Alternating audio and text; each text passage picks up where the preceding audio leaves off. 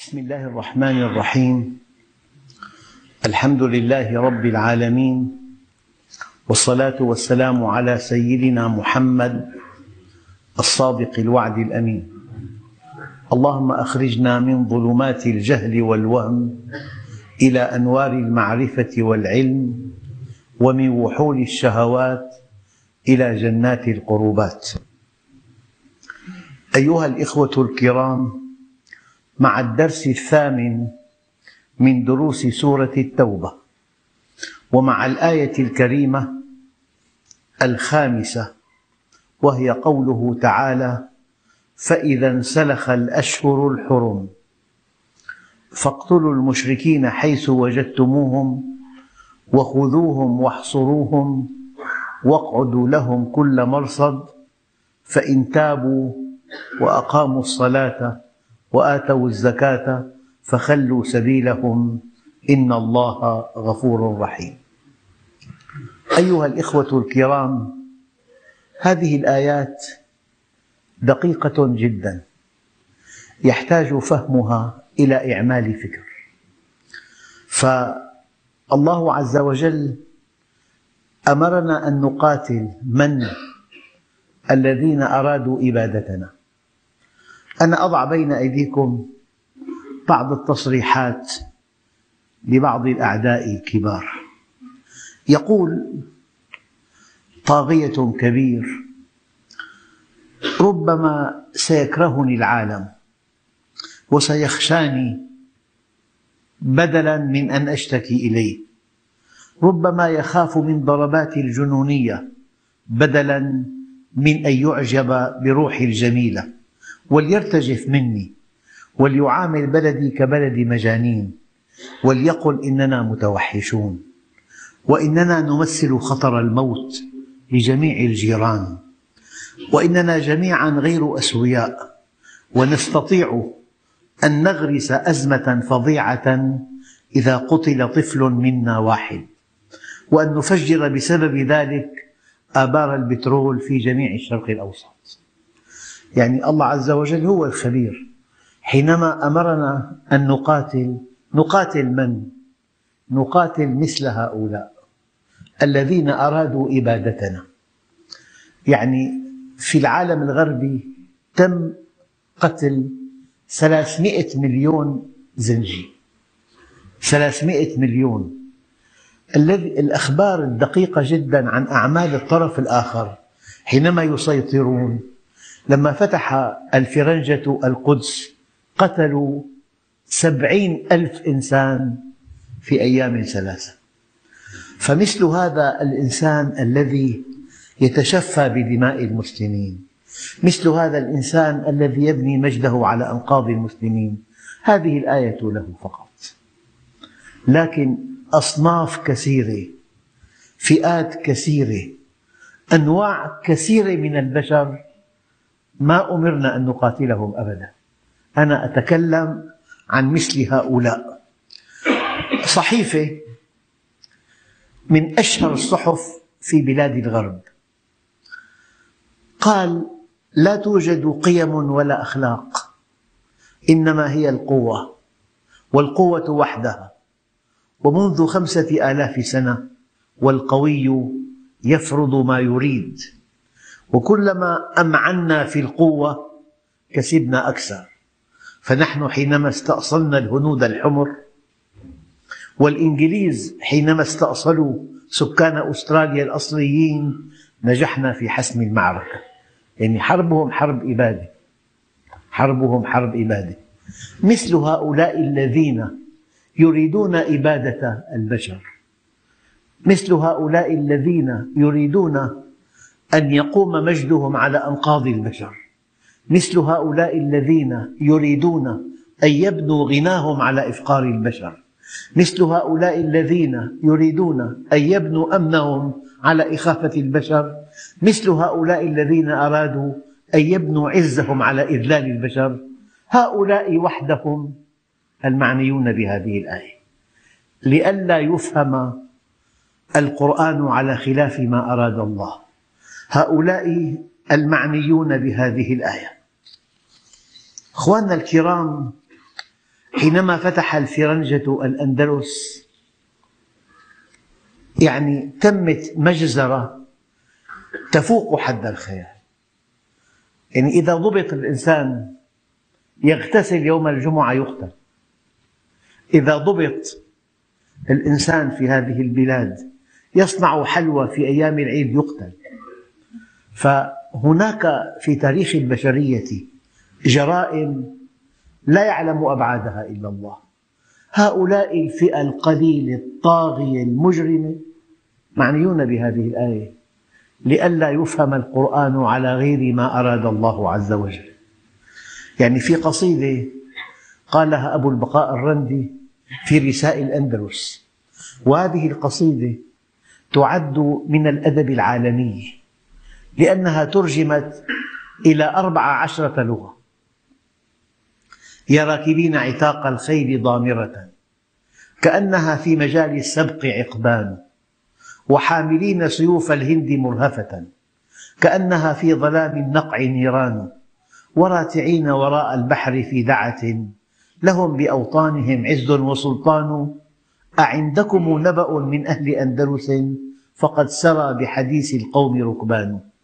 كم يستغيث صناديد الرجال وهم قتلى وأسرى فما يهتز إنسان فلو تراهم حيارى لا دليل لهم عليهم في ثياب الذل ألوان يا رب أم وطفل حيل بينهما كما تفرق أرواح وأبدان وطفلة مثل, مثل حسن الشمس إذ طلعت كأنما هي ياقوت ومرجان يقودها العلج للمكروه مكرهة والعين باكية والقلب حيران. لمثل هذا يبكي القلب من كمد. إن كان في القلب إسلام وإيمان. ليست أحداث غزة عنا ببعيد. من هؤلاء الذين قتلوا؟ مقاتلون؟ لا أطفال.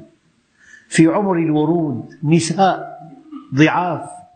1500 طفل قتلوا بأحدث الأسلحة.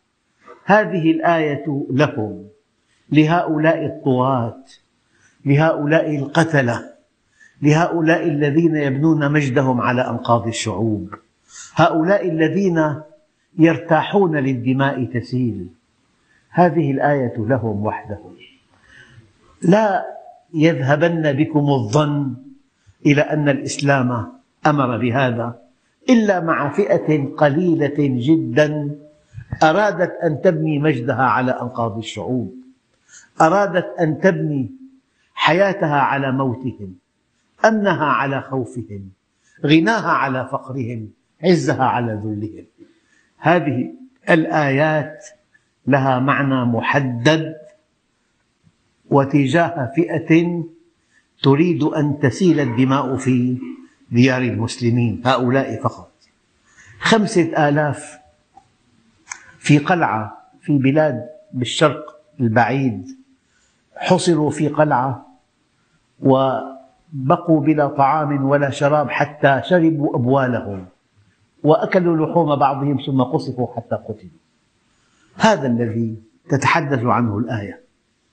أما الإسلام دين السلام دين المحبة دين التسامح.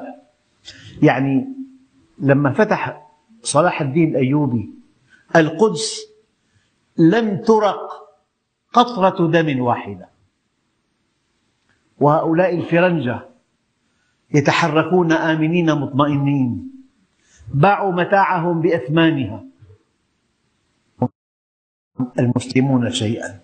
حتى قال أحد كبار الفلاسفة تولستوي ما عرف التاريخ فاتحا أرحم من العرب. طبعا العرب المسلمون. ما عرف التاريخ فاتحا فأنا أذكر هذه التحفظات لئلا يذهب بكم الظن إلى أن الله سبحانه وتعالى حينما قال فإذا انسلخ الأشهر الحرم فاقتلوا المشركين. من هذا الصنف الذين يبنون مجدهم على أنقاض الشعوب. أيها الإخوة فإذا انسلخ. ما معنى انسلخ؟ يعني شيء لصيق بشيء كالجلد في الدابة. سلخته أي نزعته. يعني هذه الأشهر الحرم إذا انسلخت كانت حصنا كانت درعا للمشركين. كانت وقاية كانت حماية. فإذا انسلخ الأشهر الحرم فاقتلوا المشركين حيث وجدتموهم. من الصنف الذي ذكرته قبل قليل. من الصنف الذي يهوى سفك الدماء. من الصنف الذي يبني مجده على أنقاض البشر. من الصنف الذي يتوهم أن له ما ليس للبشر. وأن عليه وأن على غيره ما ليس عليه من البشر. نعم. أيها الإخوة معنى ذلك أن الأشهر الحرم لها حكمة بالغة. من أجل حقن الدماء قد يتحارب جيشان وكل جيش جعل المعركة بل جعل مصير المعركة منوط بكرامته. فالدماء تسيل والحرب لا تقف. فتأتي هذه الأشهر الحرم التي حرم الله فيها القتال. في خلال هذه الأشهر يذوق الناس طعم السلام فيتمنون استمراره. وكأن الله سبحانه وتعالى أراد أن تحقن الدماء لأنه خلق الإنسان على جبلة خاصة. حينما تسيل الدماء ترتبط كرامة الإنسان بمصير المعركة. فلذلك تستمر الحروب سنوات وسنوات. في تاريخ الجاهلية رجل مد رجله وقال من كان أشرف مني فليضربها. فقام إنسان وضربها. ودامت الحرب بين قبائل العرب سنوات عشر. فالإنسان حينما يثور دم الحقد عنده قد يغدو مجرما كبيرا. الآية هذه موجهة إلى هذا الصنف وحده إلى الذي يتلذذ بالقتل. 1500 طفل صغير مع امرأة قتلوا في حرب غزة. يعني ممكن مصارع كبير يمسك طفلا رضيعا ويصرعه ويقول انظروا إلى قوة أحمق. يجب أن تقف أمام مصارع آخر. هذه الطائرات لجيش آخر لا لأطفال عزل في بلدة محصورة مكشوفة لا تملك سلاح مضاد للطائرات ولا سلاح طيران وتبرز عضلاتك. حينما اجتاحوا لبنان دمروا البنية التحتية من أجل أسير واحد. فلذلك الله هو الخبير. هؤلاء الذين يرون مجدهم في القتل يرون مجدهم في إسالة الدماء يرون مجدهم في سفك الدماء في انتهاك الأعراض هذه الآية لهم وحدهم يعني إلى سياق. أضرب مثل إذا بضع شباب في مسبح وقال أحدهم لزميله رش فلانا. ما معنى رشه هنا؟ تقتله يعني بالماء فقط. الجو جو مسبح. البيئة بيئة مسبح. رشه يعني صب عليه الماء فقط. أما إذا كان في ساحة معركة وفي تلاحم وقال له رشه يعني اقتلوه. فبيئة هذه الآية لا علاقة لها بمشرك مسالم إطلاقا. لا علاقة لها بمشرك لا يعتدي عليك. فما استقاموا لكم فاستقيموا لهم. آية مثل الشمس واضحة. فما استقاموا لهم لكم فاستقيموا لهم.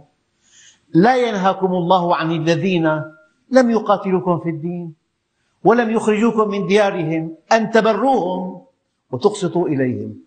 أنا أريد أن أبين موقف الإسلام. الإسلام لا يقبل من جهة أن تتلذذ بسفك الدماء ولا قتل الأبرياء ولا قتل النساء والأطفال. هذه الآية موجهة لهذا النوع من البشر. نعم. يعني واحد فرضا خلال عشرين ثلاثين سنة خطط لإبادة المسلمين. أليس في قتله خلاصا للمسلمين من شروره؟ هكذا. الآية إلى سياق. الآية لها سباق. ولها لحاق ولها سياق. يجب أن نفهم الآية في جوه فهذه الأشهر الحرم ملتصقة بالناس وكأنها درع لهم تحميهم. كأنها وقاية لهم. لذلك أراد الله سبحانه وتعالى أن يذوق الناس طعم السلم. وهل تصدقون؟ أن قوله تعالى إذا جاء نصر الله والفتح ما الفتح؟ صلح الحديبية هو الفتح الحقيقي. يعني إشاعة السلام هو النصر الحقيقي. البشر يحبون السلام يحب يحبون الأمن الراحة وهذا هو تشريع الله عز وجل.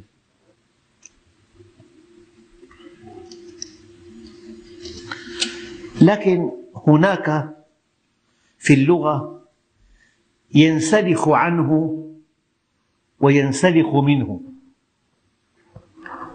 سلخنا الجلد عن الدابة.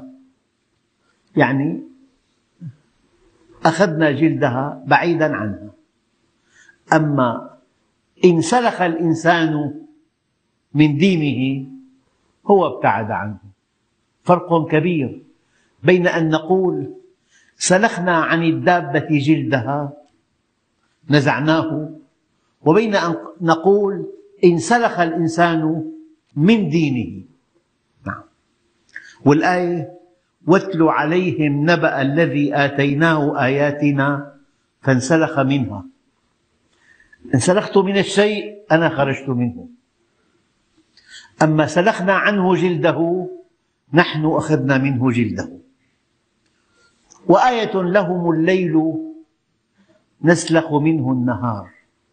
فالنهار طارئ والأصل هو الظلام الدامس لذلك لما صعد رائد الفضاء إلى القمر وتجاوز طبقة الهواء التي تبلغ 65 ألف كيلومتر صاح بأعلى صوته لقد أصبحنا عميا. لا نرى شيئا. لأن ظاهرة انتثار الضوء انتهت بعد طبقة الهواء. لذلك هذه الحادثة التي ظهرت بعد ألف وأربعمائة عام من بعثة النبي تبين أن الذي خلق الأكوان هو الذي أنزل هذا القرآن. ولو فتحنا عليهم بابا من السماء فظلوا فيه يعرجون. لقالوا إنما سكرت أبصارنا بل نحن قوم مسحورون. أيها الإخوة الكرام الآن بعد إعطاء المشركين مهلة أربعة أشهر أو إعطاء من لهم عهد إلى انقضاء عهدهم. أراد الله سبحانه وتعالى ألا يجتمع في الجزيرة دينان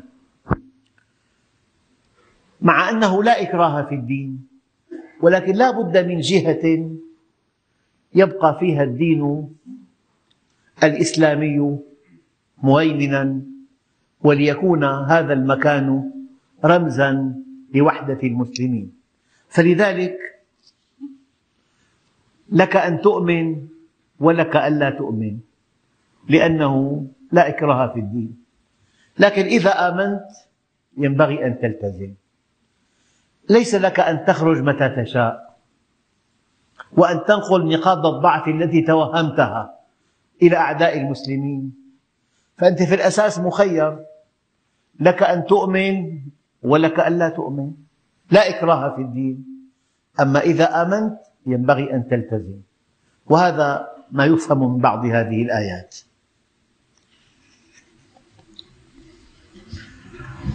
في نقطة ثانية دقيقة جدا. وأتمنى أن توضح لكم. لا إكراه في الدين. أنت حر في أن تؤمن أو أن لا تؤمن. والدين انتشر بالقدوة. لكن هذا الذي يمنع وصول الدين إلى كل الفئات هذا نقاتله. هذا الذي يلغي حرية الاعتقاد. هذا الذي يلغي حرية التدين ينبغي أن يقاتل. لأنه يمنع الخير عمن حوله. هذا دين الله. الآن الدول العظمى الكبرى تريد أن تعمم ثقافتها على الشعوب بالقوة. أليس كذلك؟ الدول الكبرى الآن تريد أن تنقل ثقافتها بل إباحيتها إلى الشعوب الضعيفة بسبب قوتها وهيبنتها. فالإسلام أراد أن تشيع العقيدة الصحيحة في بني البشر.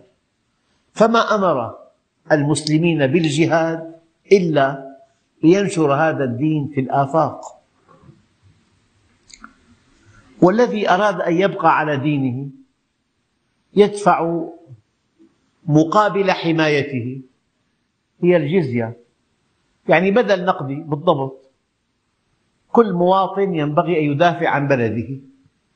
أحيانا يسمح لمواطن أن يدفع بدل مقابل أن يعفى من الخدمة الإلزامية. هذا معنى الجزية بلا زيادة ولا نقصان. يعني أناس أرادوا أن يبقوا على دينهم. من يحميهم؟ المسلمون. نظير عزوفهم عن الجهاد وعزوفهم عن الدخول في الدين. يدفعون الجزية نظير كبدل نقدي لحمايتهم.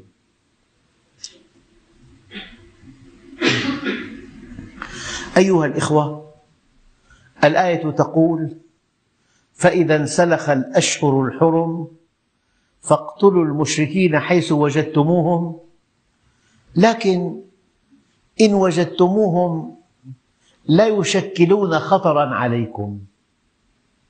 هي حالة ثانية مشرك طاغية مشرك مجرم مشرك يتمنى إبادة المسلمين مشرك يقعد للمسلمين كل مرصد مشرك يخطط لسفك الدماء.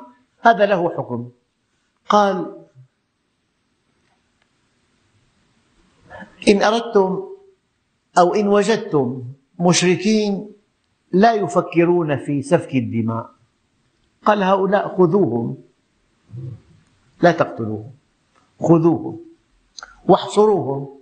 راقبوا حركاتهم. فإن لم تجدوا في حصرهم وفي حركاتهم ما يقلق دعوهم وشأنهم. ويدفعون الجزية طبعا. واقعدوا لهم كل مرصد. أما عظمة هذا الدين فإن تابوا وأقاموا الصلاة وآتوا الزكاة فخلوا سبيلهم يعني الإسلام واضح. إما أن تسلم لك ما لنا وعليك ما علينا. أبدا. إما أن تسلم وعندئذ لك ما لنا وعليك ما علينا. فإن أردت أن تبقى على دينك لا مانع لكن مقابل بدل نقدي البدل النقدي هو الجزية. أما إن أردت أن تحاربنا إن أردت أن تقاتلنا إن أردت أن تسفك دماءنا إن أردت أن تبني مجدك على أنقاضنا إن أردت أن تيتم أولادنا وأن ترمل نساءنا نحاربك. فقط هذا الكلام الدقيق. لذلك خذوهم خذوهم أسرى. ولو قاتلوكم أرادوا بقتالكم أن يدافعوا عن أنفسهم. هذا قتال غير قتال رؤوس الكفر. رؤوس الكفر يقاتلونكم ليبيدوكم. نعم. أما هؤلاء يقاتلون دفاعا عن أنفسهم. قال خذوهم. واحصروهم يعني راقبوا حركاتهم وسكناتهم. إذا قاموا بأية حركة معادية يسهل عليكم كشفها واقعدوا لهم كل مرصد. المؤمن كيس فطن حذر ولا يكن استطلاعكم لهم إذلالا هذا لا يجوز.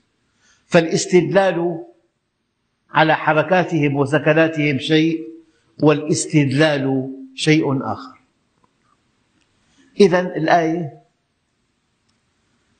فإذا انسلخ الأشهر الحرم فاقتلوا المشركين. الطغاة سفاكو الدماء الوحوش البشرية الذين يبنون مجدهم على أنقاض الشعوب يبنون حياتهم على إبادة الشعوب يبنون غناهم على إفقار الشعوب ينهبون ثروات أهل الأرض ليعمروا بلادهم. فاقتلوا المشركين حيث وجدتموهم فإن قاتلوا دفاعا عن أنفسهم وليس في وليسوا في مستوى الصنف الأول قال وخذوهم خذوهم أسرى واحصروهم في مكان معين واقعدوا لهم كل مرصد.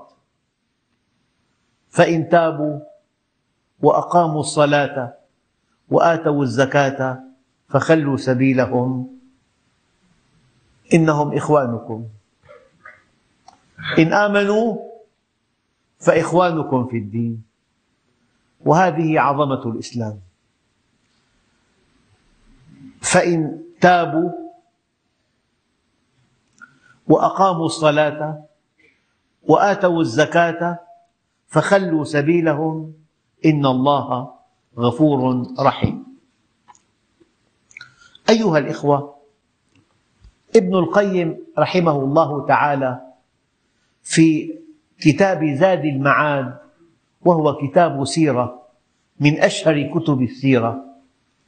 في فصل عقده باسم فصل في ترتيب سياق هديه مع الكفار والمنافقين يقول أول ما أوحى الله جل جلاله إلى نبيه صلى الله عليه وسلم أن اقرأ باسم ربك الذي خلق. أول أمر أول كلمة في أول آية في أول سورة نزلت من القرآن الكريم اقرأ. أي تعرف إلى الله. اقرأ باسم ربك الذي خلق. بعدها يا أيها المدثر قم فأنذر.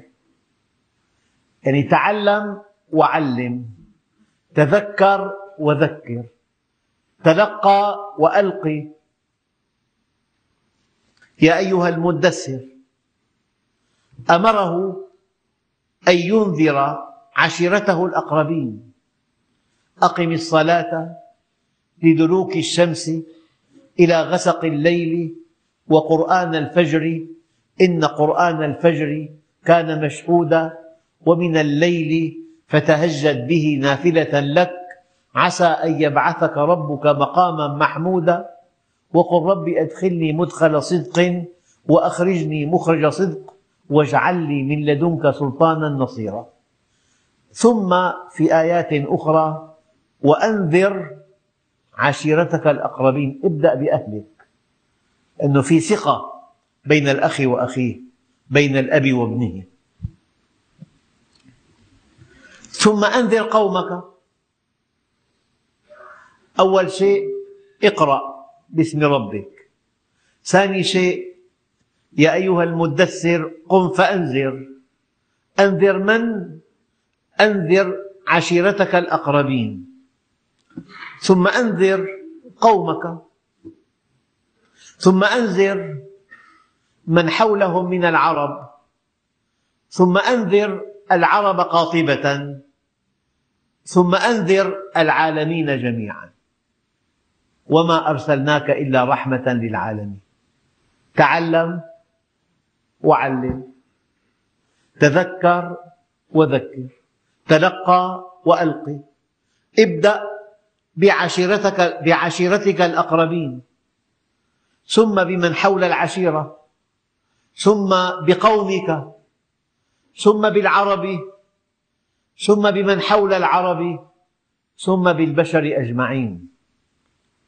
فأقام النبي عليه الصلاة والسلام بضع عشرة سنة بعد نبوته ينذر بالدعوة بغير قتال ولا جزية.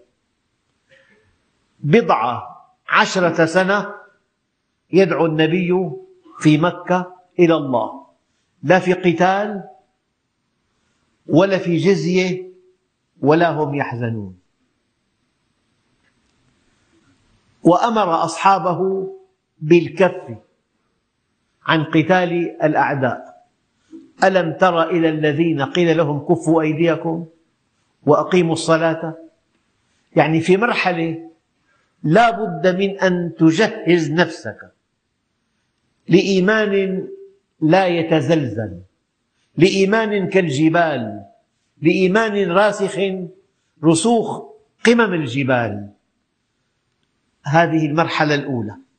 فأقام النبي في قومه بضع عشرة سنة بعد نبوته ينذر بالدعوة بغير قتال ولا جزية. ويؤمر بالكف والصبر والصفح. واصبر على ما يقولون. واصفح الصفح الجميل. هي مرحلة. ماذا فعل بهذه المرحلة؟ أسس صحابة. إيمانهم كالجبال. لا تزلزلهم المصائب. صامدون صادقون. الله عز وجل يصفهم ويقول من المؤمنين رجال صدقوا ما عاهدوا الله عليه فمنهم من قضى نحبه ومنهم من ينتظر وما بدلوا تبديلا. هؤلاء النخبة هؤلاء نخبة أصحاب رسول الله. هم الذين حافظوا على هذا الدين. وبعد أن انتقلوا إلى المدينة وأسسوا دولة وجهزوا جيشا. الآن دخلوا في طور آخر. ثم أمرهم أن يقاتلوا من يقاتلهم؟ عهد الضعف والصفح والتسامح. هذا العهد مرحلي. الآن في شأن للمؤمنين. لهم كيان لهم كرامة لهم عزة. في هذا الوضع أمروا أن يقاتلوا الذين يقاتلوهم ويكفوا عمن لم يقاتلهم. ثم أمروا أن يقاتلوا ليكون الدين كله لله. فلذلك هذه المراحل المتعاقبة تعطينا نماذج يعيشها المسلمون اليوم.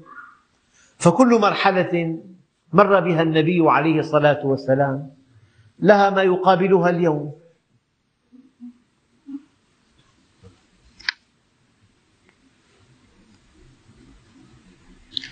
أيها الإخوة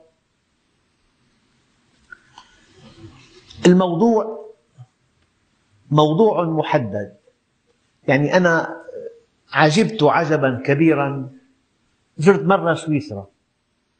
وهذا البلد معروف أنه بلد مسالم دائما ولا علاقة له بأية حرب. فإذا يملك جيشا من أقوى الجيوش. بل النظام هناك أن كل مواطن عنصر في الجيش. وفي ساعات يجتمع شمل هذا الجيش. لماذا؟ لا بد من أن تكون قويا. وأعدوا لهم ما استطعتم من قوة ومن رباط الخيل ترهبون به عدو الله وعدوكم. الذي يملك السلاح مرهوب الجانب. أعدوا لهم ما استطعتم من قوة ومن رباط الخيل ترهبون به عدو الله وعدوكم. يعني الآن الدولة اللي معها سلاح نووي مرهوبة الجانب الآن. وقد لا تستخدمه أبدا. وقد يمضي مئة عام ثاني تابعة وهذا السلاح لا يستخدم. لكنه أداة ردع. هذا معنى قوله تعالى وأعدوا لهم ما استطعتم من قوة ومن رباط الخيل ترهبون به عدو الله وعدوكم. وفي ملمح دقيق بالآية يجب أن يكون عدوكم عدوا لله. لذلك كيف بكم إذا لم تأمروا بالمعروف ولم تنهوا عن المنكر؟ سبب هذا الحديث أن الله سبحانه وتعالى حينما قال كنتم خير أمة أخرجت للناس تأمرون بالمعروف وتنهون عن المنكر وتؤمنون بالله. علة خيرية هذه الأمة الأمر بالمعروف والنهي عن المنكر بعد الإيمان بالله. وقد قال عليه الصلاة والسلام كيف بكم إذا لم تأمروا بالمعروف ولم تنهوا عن المنكر؟ قالوا أو كائن ذلك يا رسول الله؟ يعني معقول؟ قال عليه الصلاة والسلام وأشد منه سيكون. قال وما أشد منه؟ قال كيف بكم؟ إذا أمرتم بالمنكر ونهيتم عن المعروف. قالوا أو كائن ذلك يا رسول الله؟ قال وأشد منه سيكون. صعقوا ثانية. قالوا وما أشد منه؟ قال كيف بكم؟ إذا أصبح المعروف منكرا وأصبح المنكر معروفا. فإذا انسلخ الأشهر الحرم فاقتلوا المشركين حيث وجدتموهم وخذوهم واحصروهم واقعدوا لهم كل مرصد فإن تابوا وأقاموا الصلاة وآتوا الزكاة فخلوا سبيلهم. إن الله غفور رحيم. والحمد لله رب العالمين.